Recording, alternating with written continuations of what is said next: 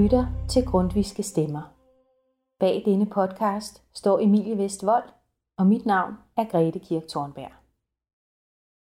Der er nogen, der siger, at arven fra Grundtvig er som en vandåre, der løber dybt nede under dansk kultur og som vander de mest forskellige steder. Nikolaj Frederik Severin Grundtvig blev født i 1783 og døde 89 år senere i 1872. Han var både præst, salmedigter, forfatter, folkeoplyser, politiker, samfundsdebattør og skolemand. Og det er svært at pege på andre historiske personer med en tilsvarende betydning for udformningen af nutidens danske samfund og kulturliv. En af de skoleformer, man forbinder med Grundtvig, er højskolen. Der står i loven om folkehøjskoler, at hovedsigtet er livsoplysning, folkelig oplysning og demokratisk dannelse. Det skal vi tale mere om i dag, og til at belyse de emner har vi inviteret to gæster i studiet i Grundtvig Biblioteket i Vartov. Først skal vi tale med forfatter og doktorfil i litteraturhistorie Henrik Yde, der gennem mange år har beskæftiget sig med det, man kunne kalde Grundtvigs højskoleskrifter. Han vil give os et historisk indblik i, hvorfor tankerne om en højskole i det hele taget opstod. Men hvordan arbejder man så med dannelse og livsoplysning på højskolerne i dag? Til at komme det et svar nærmere, har vi også inviteret Ph.D. og tidligere højskolelærer Rasmus Koldby Rabæk i studiet. Han har blandt andet skrevet en afhandling om stedets pædagogik, om højskolens opgave og praksis, som vi skal dykke lidt mere ned i. Undervejs skal vi også høre udsagn fra nogle af dem, det handler om, nemlig højskoleeleverne, og deres betragtninger, som det tager sig ud, når man er midt i det. Men hvis vi skal begynde der, hvor det hele startede, så kommer her et ris af den historiske baggrund for højskolernes opståen, som Henrik Yde har fortalt om op til interviewet. Der var nemlig både ydre anledninger og indre anlæg, der gjorde sig gældende. Og begge dele hang godt sammen for Grundtvig. De indre anlæg handler om Grundtvigs betoning af det mundtlige ord. For ham var det gådefulde menneskeliv ikke noget, der var afsluttet og færdigt. Noget, man kunne slå op i en bog. Det gådefulde afslører sig nemlig først, som det skrider frem og bliver fortalt. Det er vores fælles historie, de bibelske fortællinger om menneskets forhold til Gud, der er udgangspunktet, og det er det poetiske ord, der er instrumentet til at blive klogere på den historie. Det er nemlig her i den mundtlige fortælling, at den levende ånd er til stede, og som gør os klogere på menneskelivet, vores liv sammen og vores fælles historie. Og netop det mundtlige ord, mente Grundtvig, var underbetonet i især skolernes undervisning, ligesom han helst så sine salmer sunget frem for læst. Det var altså nogle af de indre anlæg, men der var også nogle ydre anledninger. Der sker nemlig det, at vi i 1835 får en ny institution i Danmark. Det er kong Frederik den 6., der var konge på det tidspunkt, og han var hårdt presset i en situation, hvor Danmark var et lille land. Vi havde jo engang været et stort land. Vi havde været i personalunion med Norge indtil 1814, men året før i 1813 var vi gået statsbankerot, og vi havde mistet flåden til englænderne. Så der var ikke meget storhed tilbage. Riget fattedes penge, og der var sult især på landet. Det danske rige bestod dengang ikke kun af kongeriget Danmark, men også af to hertugdømmer, nemlig Slesvig og Holsten. Og i de to sidstnævnte var kongen ikke konge, men hertug. Kongen var under Wienerkongressen i 1814 blevet nøset til at indføre rådgivende stænderforsamlinger i Holsten, ligesom man havde indført i Preussen, som var den største tyske stat. Her havde man altså lovet nogle rådgivende stænderforsamlinger, det vil sige nogle høringsorganer, for dem, der ejede jord og gods, således at kongen nu skulle lytte til folkets, i det her tilfælde de velhavendes, stemme. Det ville man også have i Holsten, og det havde kongen sagt ja til. Så for ikke at stille sine riger forskelligt, vil han også indføre det i Slesvig og også i selve kongeriget Danmark. Der blev derfor oprettet fire stænderforsamlinger. En for Holsten, en for Slesvig, en for Nørrejylland i Viborg og en for Sjælland med sæde i Roskilde. Forsamlingen bestod dels af nogle af kongen udpegede medlemmer, dels af nogle valgte medlemmer. Og dem, der var valgte, var repræsentanter for ejendomsbesidderne. Alt det var Grundtvig i første omgang temmelig uinteresseret i. Han havde nemlig den opfattelse, at enevælden var et absolut fremskridt, for dermed havde folket givet magten til kongen i tillid til, at han ville regere dem godt og kærligt. Det vi havde set før 1660, hvor kongen ikke var enevældig, var en adel, der løb om hjørner med kongen og hyppede deres egne kartofler med Grundtvig. Men i 1835 udgiver man et blad, der hedder Stændertidene. Det udkommer en gang om ugen i den periode, hvor forsamlingen er forsamlet, og det er den et halvt års tid ad gangen, hvert andet år. Men så er der noget, der vækker grundvis interesse og opmærksomhed, og det spørger jeg nu Henrik om, hvad det så var. Lige pludselig, så begynder jeg at læse det der, de der stændertidene. Altså, hvad fanden? Og det sagde han ikke, men øh, øh, altså, hvad i alverden er det her? Altså, her, er det jo, her står jo bønder, der var nemlig også nogle bønder med, nemlig nogle, der var lige kommet over den der spærregrænse, kan man sige. Men de var jo, øh, de var jo ikke, øh, de havde jo ikke gået på universitetet. Altså, der sidder jo øh, altså folk, som er meget belæste og har europæisk udsyn på det ene og det andet. Der sidder adels, adelsfolk osv. Men de der bønder, de taler rask med og er fuldstændig uimponeret af det selskab, de er i. Og det gør indtryk på Grundtvig. Og så øh, i hans øh, hjerne, så lige pludselig så ser han en forbindelse med mundtligheden i kirken. Nu har vi så også mundtligheden her i statsanlægner, hvor det er den frie debat, som afgør ikke, hvad der skal lovgives om, men hvad man skal foreslå kongen, han ja. skal lovgive omkring. Ja, ja. Og man diskuterer jo alt muligt, øh, ikke mindst øh, skoleforhold, men også kirkeforhold, man diskuterer alt muligt praktisk, ligesom man i dag gør i Folketinget. Og så er det, han med sit historiske udsyn siger, jamen, åh, hvad har vi her? Jamen, nu har vi jo fået, øh, altså i 1660, der gav øh, vi kongen al øh, regeringsmagten. Øh, nu kommer han til os og vil høre, hvad vi mener. Så nu er der en helt anden gensidighed i det. Ja. Og de peger tilbage på de gamle ting i, i middelalderen og vikingetiden, hvor man samledes på diverse tingsteder, øh, blandt andet i Viborg øh, og Isø er på Sjælland, ikke? Øh, hvor øh, de frie mænd rådede høvdingen til at gøre sådan og sådan. Ikke? Så, så alting hænger lige pludselig sammen på grund af Og ja. så er det, at han skriver det her skrift, der hedder Det danske firkløver, eller danskheden partisk betragtet. Ja. Øh, det danske firkløver, firkløver er jo et lykkesymbol, ikke? men det, der er, det danske firkløver består af kongen og folket, og modersmålet og fædrelandet. Det er, det, det er dem, der udgør firkløver. Det er dem, der udgør fire, firkløver. Ikke? Ja. Og øh, Grundtvig har så et, øh, et forslag gøre. Ja, han har en helt et forslag. Øh, noget af det første, han prøver at udvirke, det er øh, øh, at få tilladelse til den der sovnebåndsløsning, som vi først fik i 1855. Ikke? Ja. Men det var en hjertebarn for ham. Ikke? Men han mener også, at det er meget godt med de der bønder, der tæller sig frisk og frejdigt op. Men måske skulle de også have lidt øh, uddannelse, eller inddannelse, måske snarere en uddannelse. Ikke? De skulle øh, lære noget om fædrelandets øh, forfatning og historie, og om modersmål, og om den danske litteratur og sang, osv. osv.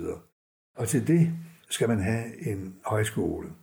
Og ved ordet højskole, der forstår Grundtvig et universitet. Altså Hochschule har vi jo fra tysk. Højskole betyder simpelthen ja. en højere læreranstalt. Ja, men bare ikke universitetet. Øh, nej, altså universitetet, øh, det, skulle, det skulle netop være uafhængigt af universitetet. Ja. Øh, på universitetet, øh, det var jo på det tidspunkt i alvæsen et præsteseminarium. Og øh, øh, han kalder det den latinske højskole, sådan ret håndelig. Han var jo stærk modstander, det var han slet ikke enig om, at øh, latin skulle have så stor en rolle at spille i, i både øh, børneskolen og altså i latinskolen. Ikke? Og på universitetet, øh, det var der mange, der havde gjort modstand imod, ikke mindst fordi øh, øh, tekniske fags vedkommende, helt, helt tilbage til 1700-tallet. Det, det var fuldstændig vanvittigt, at vi skulle sidde og tale latin om og som brobygning. Ja. Øh, men nu, kom, nu var vi jo inde i en, en, en ny fase, af, en ny samfundsmæssig fase, øh, den opkommende industrialisme, øh, kapitalismen, og derfor diskuterede man behovet for en anden type ungdomsuddannelse, som lægger vægten på de levende sprog, altså engelsk, tysk, fransk osv., og på de matematiske naturvidenskabelige fag. For det, det, det var det, man kunne bruge til noget inden for industrien, inden for handlen ja, ja. osv. Og det havde der længe været et øh, erkendt behov for. Ikke? Ja. Øh, den væsentligste agitator i den rådgivende centerforsamling i Roskilde, det er en statsembedsmand, der hedder Tage Algring Using. som var meget veltalende, øh, 39 år gammel. Og han tog udgangspunkt i en pjæse, som en købmand eller en handelskomi har lavet, der hedder Hvor skal jeg sætte min søn i skole? Ja. Øh, hvor han klager over, at han, der er ikke noget sted at sætte sin søn i skole, altså en konfirmeret søn. Fordi hvad skal han med, hvad skal han lære latin for, når han skal stå i butikken? Ja. Han kan jo ikke snakke, snakke, snakke latin med kunderne. Nej. Og han, han står så og øh, holder en tale, hvor han, han, han gentager og varierer dette slagord. Hvor skal jeg sætte min søn i skole? Skolen for livet mangler. Skolen Siger han. for livet. Siger Using. Ja, Ja. siger Using. Og det der med skolen for livet, det bliver varieret igennem hans tale, og det bliver sådan en, nærmest en slags talemåde. Ja. Den griber Grundtvig fat i. Skolen for livet. Ja. Ja. Øh, hvormed han ikke mener øh, realskolen, men hans egen højskole. Ja. Han kunne godt have fundet et andet slagord, men han har sådan en udmodståelig øh, trang til de der absolute modsætninger. Ikke? Skolen for livet, altså højskolen, i modsætning til skolen for døden, altså latinskolen ikke? og universitetet. Så det der begreb om skolen for livet, det er altså et, han har hugget fra propagandaen for realskolerne. Ja, fra Using. Ja. Øh, og nu tror alle jo, at det er Grundtvigs egen opfindelse, men det er det altså ikke.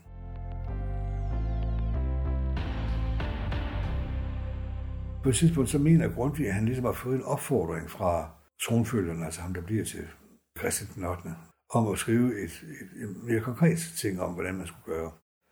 Den hedder Bøn og begreb om en dansk højskole i Sorø, eller i Sår. Men det, er- det er det højskoleskrift, som er mest øh, konkret af, hvad der egentlig skulle, hvordan sådan stedet skulle være. Ikke? Ja, ja. Altså helt ned i den, i den fysiske beskrivelse, at der skulle fx også være værksteder øh, til pra- praktiske fag.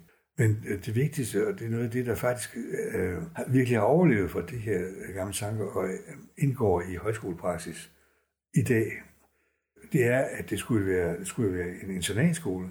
Ja. Altså folk skulle sove der. Ja.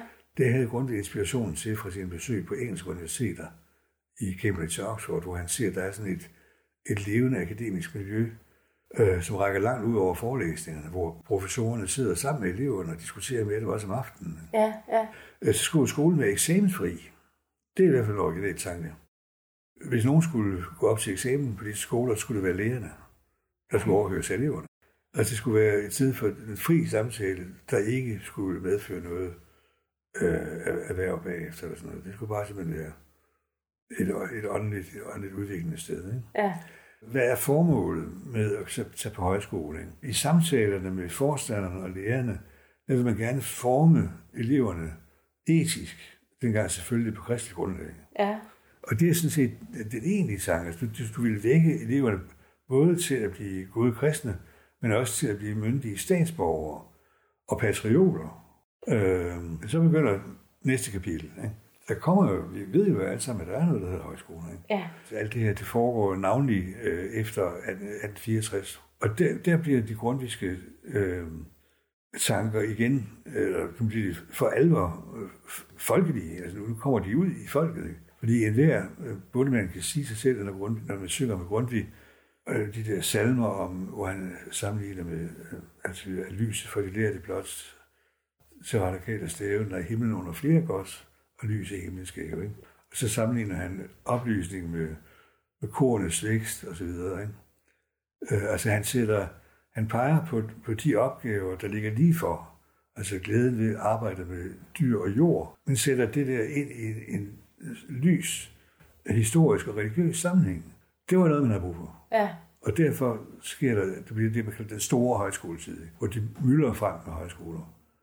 Øh, altså antallet bliver, bliver mangedoblet i løbet af få årtier. Ikke? Ja. ja.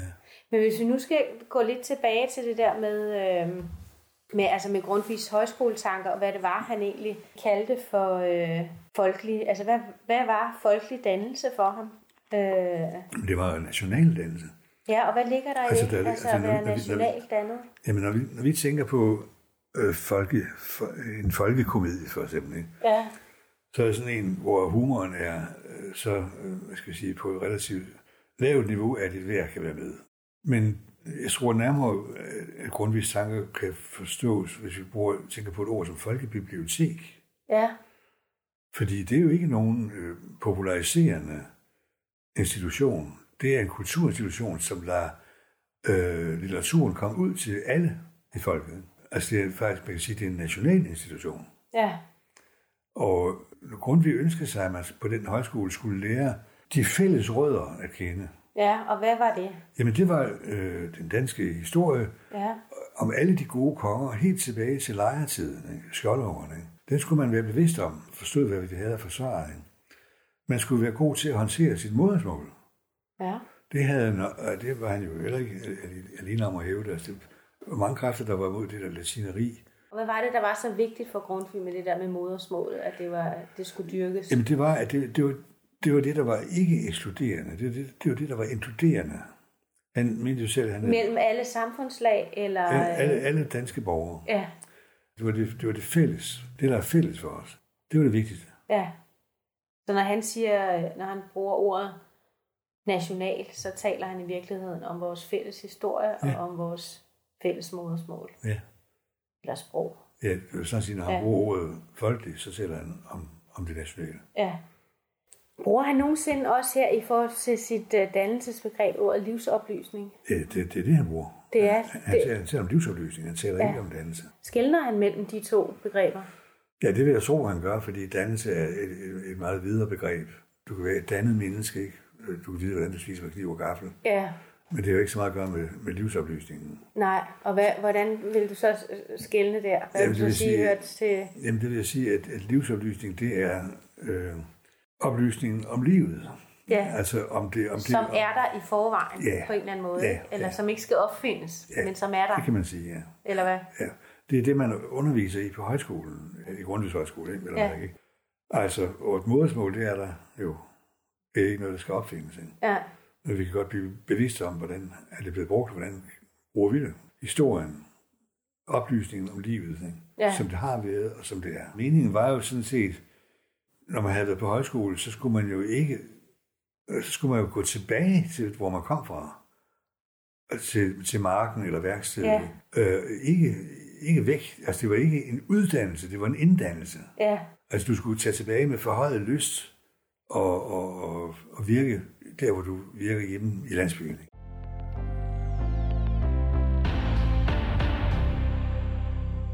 Vi har nu hørt lidt om den historiske baggrund for højskolernes opståen i Danmark, og hvad det var, Grundtvig forstod ved dannelse og livsoplysning. Vi skal nu høre lidt mere om, hvordan man tænker højskole i dag. Men inden vi byder velkommen til den næste gæst i Grundtvig Biblioteket, skal jeg lige introducere de tre højskoleelever, Emilie og jeg mødte en efterårsmorgen i 2019 på Grundtvigs Højskole i Hillerød, til en snak om det at gå på højskole, og om nogle af de grundviske begreber som livsoplysning og forpligtende fællesskaber overhovedet giver mening i dag. Vi mødte Anna Sofie Stensbæk Lemé, Stine Scheffler Christensen og Maja Tornmark Fortoft. Og det er nogle af deres udsagn, du kan høre klip fra under den næste samtale.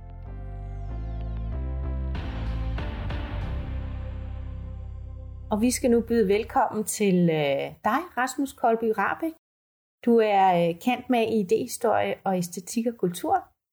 Så har du været ansat som, eller du er ansat som pædagogisk konsulent i Folkehøjskolernes Forening i Danmark. Du har været tidligere højskolelærer på Ry Højskole og Brandbjerg Højskole. Og så øh, har, du, øh, har du netop afleveret din, eller du forsvaret din phd afhandling her i sommer øh, om stedets pædagogik, en fortolkende beskrivelse af højskolepædagogik i et dannelsesperspektiv. Vi skal tale lidt mere om øh, indholdet af din afhandling og øh, hvordan man arbejder med dannelse på højskolerne i dag. Men inden da, så vil jeg lige spørge dig, fordi tidligere i studiet havde vi besøg af Dr. Fil Henrik Yden, som øh, blandt andet redegjorde for, hvordan og i hvilken kontekst Grundtvigs højskoletanker opstod. Men også, hvad det var for et dannelsesbegreb, Grundtvig benyttede sig af. Og her fik vi at vide, at Grundtvig faktisk ikke så meget brugte ordet dannelse, men i højere grad livsoplysning. Så derfor kunne jeg godt lige tænke mig at starte med at spørge dig, hvordan forholder du dig til de to ord, når vi taler om noget af det, der foregår på en højskole? Altså forholdet mellem dannelse og livsoplysning. Skældner du mellem dem, eller... Altså, jeg skældner mest mellem i et, hvis jeg skal se på det i et historisk perspektiv. Øh, det er jo rigtigt nok, at Grundtvig mest bruger begrebet livsoplysning, som jo også er hans eget begreb. Ja. Det er meget, tænker jeg, typisk Grundtvig, at hvis han først finder på et begreb, så bliver han så forelsket i det, han bruger det øh, til overflod. Han bruger det faktisk, dannelse faktisk selv Ja. flere gange, Ja. øh, især i indledningen til Nordens mytologi. Ja, det er- og øh, okay. han har faktisk skrevet en lille artikel øh, på et tidspunkt om dannelse, mm. også i forhold til højskolen. Men det er rigtigt, det er livsoplysning, som er, har stået fortsat som, som, øh, som hans primære begreb. Jeg ser det egentlig lidt som livsoplysning, som Grundtvigs dannelsesbegreb. Altså hans måde at formulere en dannelsestanke på. Okay. Jeg er med på, at, at, at man kan sagtens se nogle skæld mellem øh, det, som var øh, dannelsestanken øh, øh, på hans egen tid, især i en tysk kontekst, og så ja. det, han formulerer. Men, men man kunne også vælge at se, synes jeg, øh, livsoplysningsbegrebet, og i øvrigt også øh, hans idé- begreb om folkelig oplysning, Ja. øh, som hans måde at øh, genfortolke eller nytænke et dannelsesbegreb øh, til en ny kontekst. Så det er i virkeligheden en nytænkning af dannelsesbegrebet, eller en videreførelse af det? Eller? Ja, sådan tænker jeg det, at, Ja. at, at dannelse i dag i hvert fald også er et, et bredere begreb, end, end bare sådan et snævert øh, begreb, som øh, Grundtvig eventuelt skulle gøre op med. ja, Øhm, ja, Og man kunne egentlig sige på mange måder, at Grundtvig er med til at indstifte det, man kalder en mere nordisk øh, dannelsestanke, som er mere folkelig. Øh, og hvor som er mere folkelig. folkelig. Ja, Ja, og ja. som går på nogle andre ting, øh, mere vægter, øh, altså, eller ikke mere, men vægter følelser lige så meget som fornuft, og sådan noget, hvor et, et, et traditionelt, øh, især sådan tysk bildungsbegreb er meget fornuftsbåret øh, og meget øh, knyttet til sådan et mere øh, snævert, lidt mere akademisk øh, forståelse. Ja, så livsoplysning rummer i virkeligheden lidt mere. Altså, Ja, det kan man kan på den måde sige, ja, en udvidelse af et dannelsesbegreb, eller en, øh, kunne man måske godt kalde det. Ja.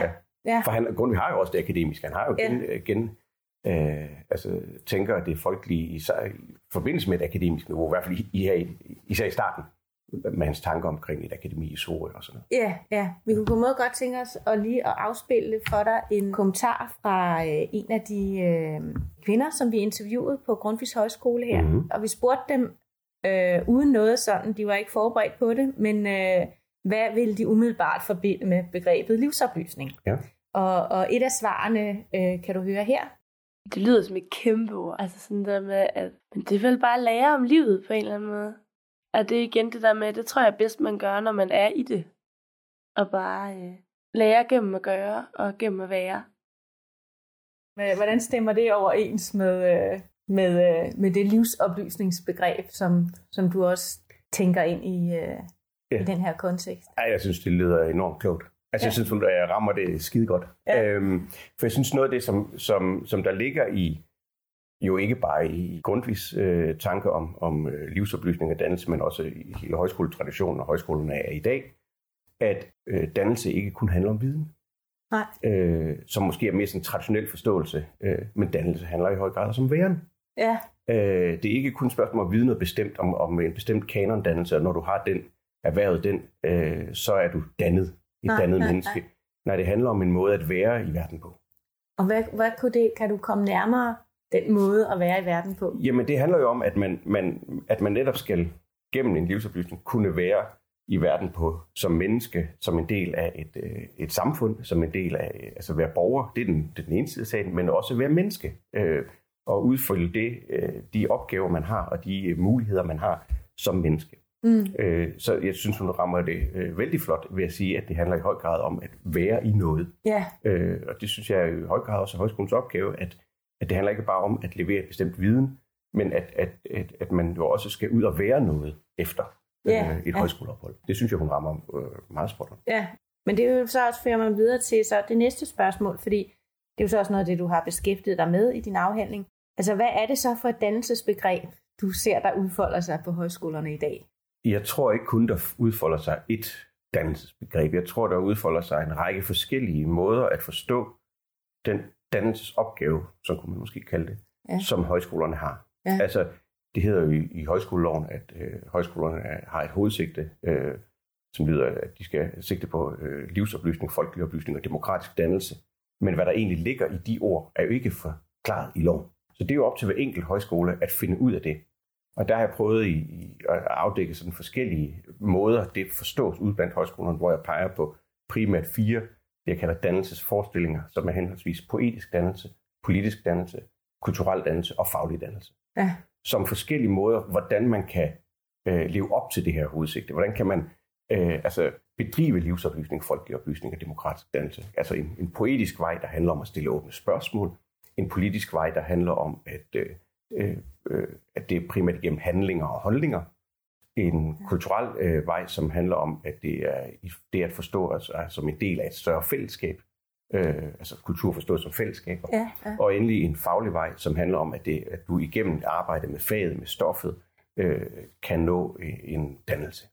Så det er de fire komponenter, du ser sådan på en eller anden måde skal være til stede? På Nej, ikke nødvendigvis. Det er, de, det er fire eller- forskellige måder, som forskellige højskoler forstår det. Så det er, ikke, det, er ja. ikke, det er ikke sådan, at de skal være til stede Nej. øh, på alle højskoler. Øh, Nogle højskoler er de alle sammen til stede på. Nogle er det øh, primært en, øh, Ja, ja. der er dominerende. Men, men, men det, som er de, det, som de fire, jeg ligesom har... Der kan findes andre også, men det er i hvert fald fire klassiske, man kunne sige, der er i spil blandt højskolerne. Ja, Så, så det vidner jo også noget om, at livsoplysning ikke er noget, man kan gøre i sig selv.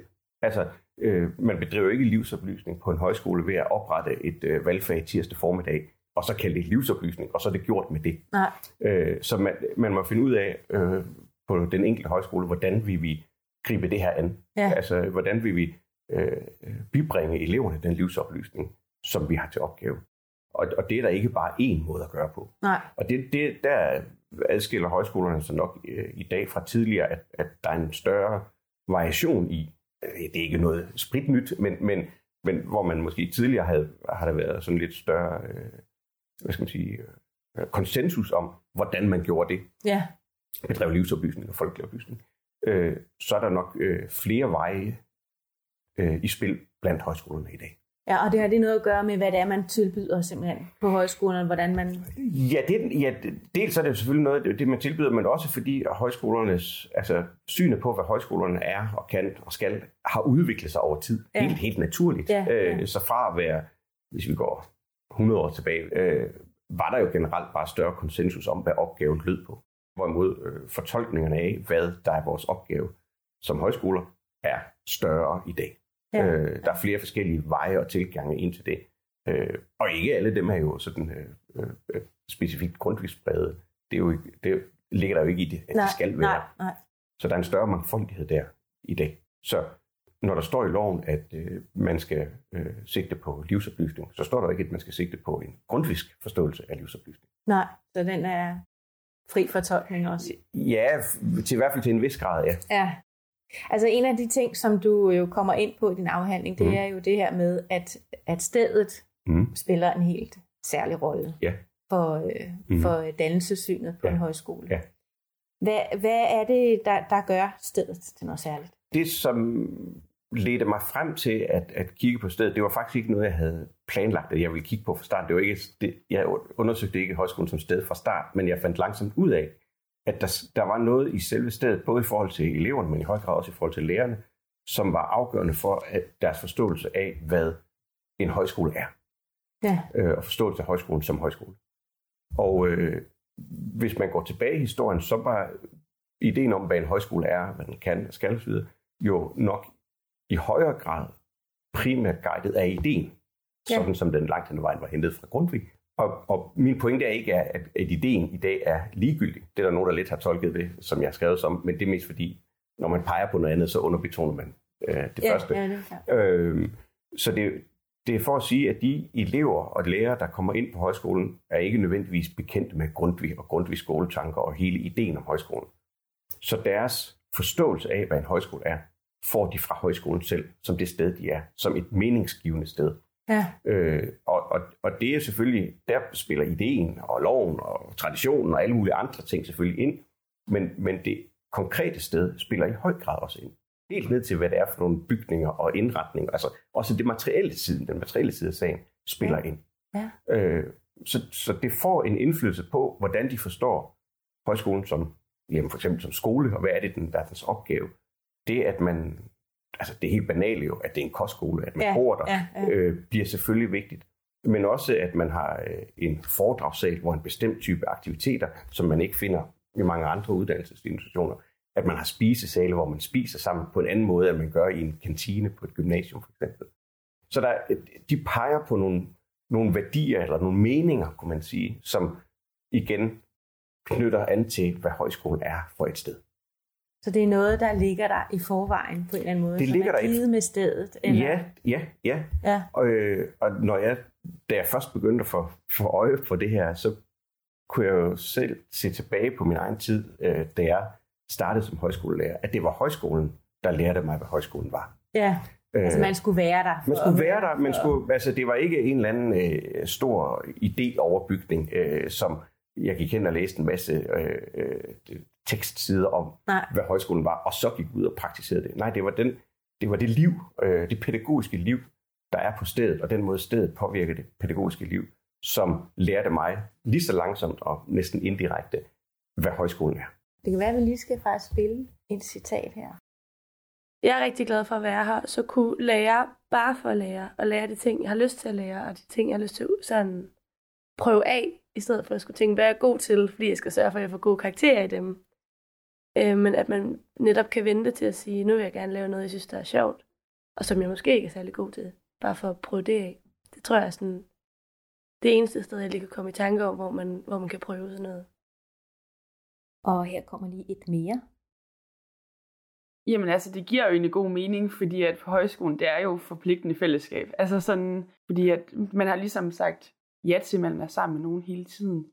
Og det kan være alt fra store ting til små ting, for eksempel når vi har chance ud i køkkenet, så er vi sammen Ja. om det. Når man skal gøre rent på toiletterne, så er man sammen om det.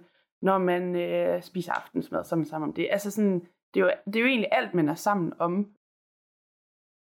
Når jeg har talt med de der elever, de har jo sådan en fortælling om, at, at højskolen næsten er, næsten er alt ædende. Altså fordi man kan ikke, man kan ikke komme, når man først er en del af højskolen, kan du ikke komme på ydersiden. Nej.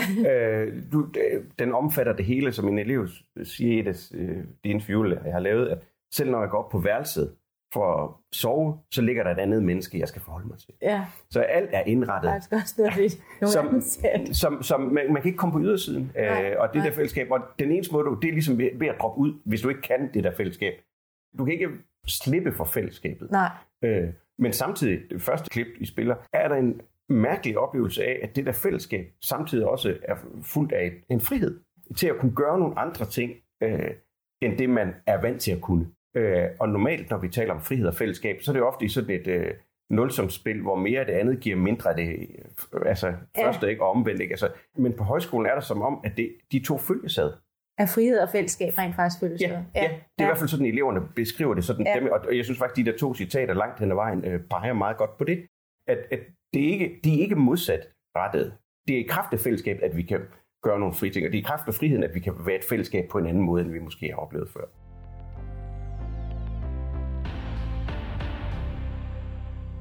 Men sådan, det tog os rigtig lang tid at forstå, at den opgave, vi bliver stillet, det er bare inspiration. Altså, vi må gøre fuldstændig, som vi vil. Det er bare lige for at sætte nogle tanker i gang.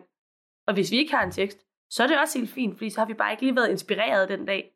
Og jeg var sådan, det var så mærkeligt ting på sådan, det er jo, jeg gør alt det her for mig, og for at jeg kan udvikle mig, og ikke for at jeg skal tilfredsstille en lærer og opfylde de krav, den her specifikke opgave har stillet, for at få en eller anden specifik karakter, som kan få mig et eller andet specifikt sted hen.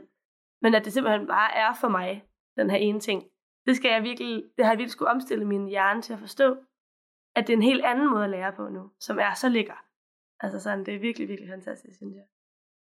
Og hvad er det, det kan så lige præcis, det her andet fokus? Når højskolen gerne vil øh, bedrive en dannelsespædagogik, man kan kalde det sådan, så kan man sige, ved at tage den der karakter væk, øh, så, så bliver man nødt til at finde en anden mening med faget.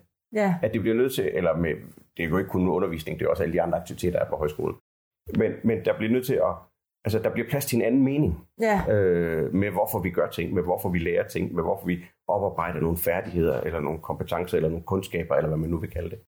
Øhm, og, og pludselig så, nu beskriver jeg jo det, det der med, at det er meget for mig, men dermed ligger også det der med, at hvad, altså, kan det her give en mening for mig? Kan det her åbne nogle, nogle horisonter for mig? Kan det her give mig en, nogle andre øh, perspektiver? Og det tror jeg langt hen ad vejen, at de, måske især i ungdomsuddannelserne, hvor det er blevet meget karakterfokuseret, ja. i hvert fald for eleverne, at det element forsvundet. Og det er ligesom det, som de genopdager. Det er også lidt det, jeg synes, hun, en eleven øh, peger på. At det er ligesom den genopdagelse, at der rent faktisk er en mening i selve øh, faget, i Ja, kundskabet. ja, det er at arbejde med ting i sig selv. jeg tror faktisk, at langt hen ad vejen, så kan man føre meget af det, som højskolen også gør i dag, tilbage til det, som øh, Grundtvig i sin tid kaldte det historisk poetisk. Ja. Det er ikke sikkert, at det er det, alle højskolelærerne vil gå rundt og sige, fordi Nej. det, det er ikke, de er ikke nødvendigvis øh, Grundtvig kender i dag alle sammen, men det der med at få en forståelse af, hvad er det, jeg kommer af? Hvad er det, vi kommer af? Øh, det historiske. Øh, kombineret med det poetiske, det vil sige en anden måde at gribe det an på. Mm. En anden måde at sige det på. En anden måde at... Altså, det, det tror jeg faktisk går igen, også i, i, øh, i rigtig mange af de øh, fag, som er på højskolerne i dag. Øh, og i hvert fald i højskolen som helhed. At, at det er at sige, vi er en del af et fællesskab, og mange af de ting, vi gør, gør I, fordi man skal få en forståelse af at være en del af et fællesskab, et forpligtende fællesskab, som min eleven sagde i citatet før. ja. Fordi man skal ud og være en del af et fællesskab efterfølgende. Det er jo Ja. ikke bare, fordi et højskolens fællesskab er i sig selv er rart. Øh, der er en, et, et, et formål med det. Men også, at det ikke bare handler om at fortælle om det sådan helt sådan objektivt. Mm. Der er et samfund derude, og det ser sådan og sådan ud. Men, men at det poetiske ligger der i, at det må i højere grad opleves. Ja. Øh, det må i højere grad mærkes. Øh, føles lige frem måske endda. Ja. Øh, og og der, der kan, altså, hvis man forstår det poetiske som den måde, at, at sige, de, de dele af menneskelivets øh, øh, hvad skal man sige, måde at være i verden på, bliver vigtige. Mm. Og det, det, det, det er jo helt tydeligt. Derfor bruger man også nogle andre greb. Så i virkeligheden, det her historisk-poetiske øh, Ja. begreb, som Grundtvig arbejder med, det er i, også knyttet i høj grad til, til stedet, fordi du skal Ja, det mærke tror- det, og du skal føle det. Ja, det tror jeg. Ja, det, i dag vil det være det. Ja. Ja. Øhm, jeg er ikke sikker på, at man, vil sige, at, at man kan sige, at det var det også for Grundtvig. Nej, men, men jeg tænker i dag, altså, men jeg- det, det, det er ja. der også, du ser, at det poetiske er, på en eller anden måde bliver udfoldet Ja, konkret. jo jo. Øh, Jo, men helt ned til sådan noget banalt, som at man synger meget Ja. på højskoler. Ja. Det er en anden måde at i tale sætte mening på, Ja. end ved at holde øh, altså, øh, øh, altså lange forelæsninger.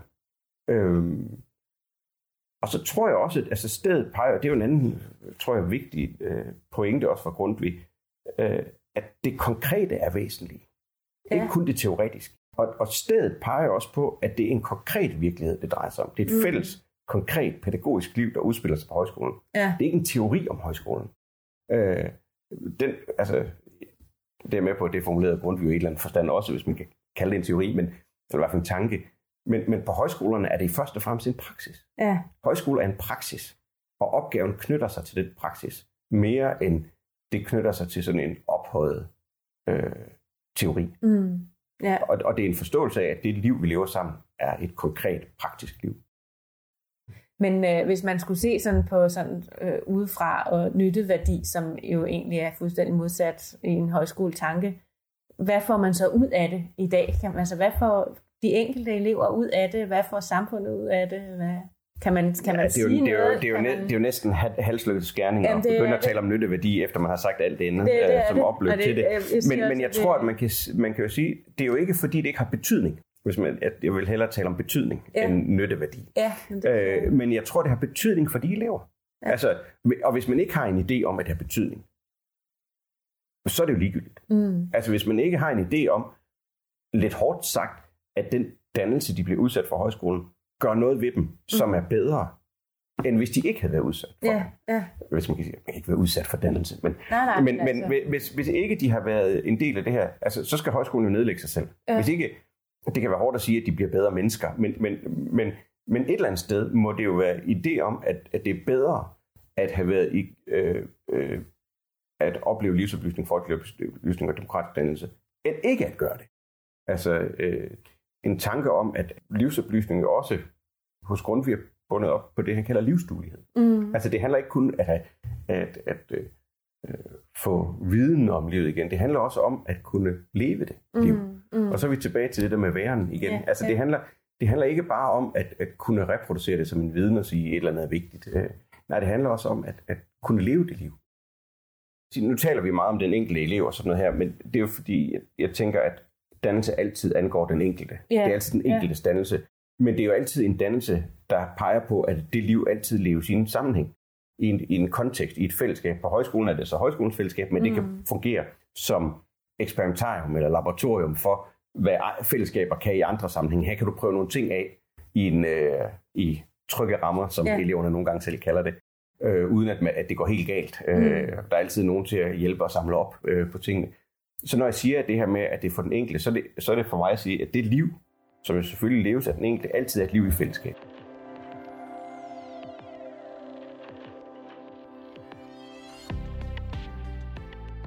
Du har lyttet til Grundviske Stemmer, udgivet af Grundvisk Forum. Podcasten var tilrettelagt, optaget og redigeret af Emilie Vestvold og Grete Kirk Thornberg. Musikken er lavet af Christoffer Fuglsang Mortensen.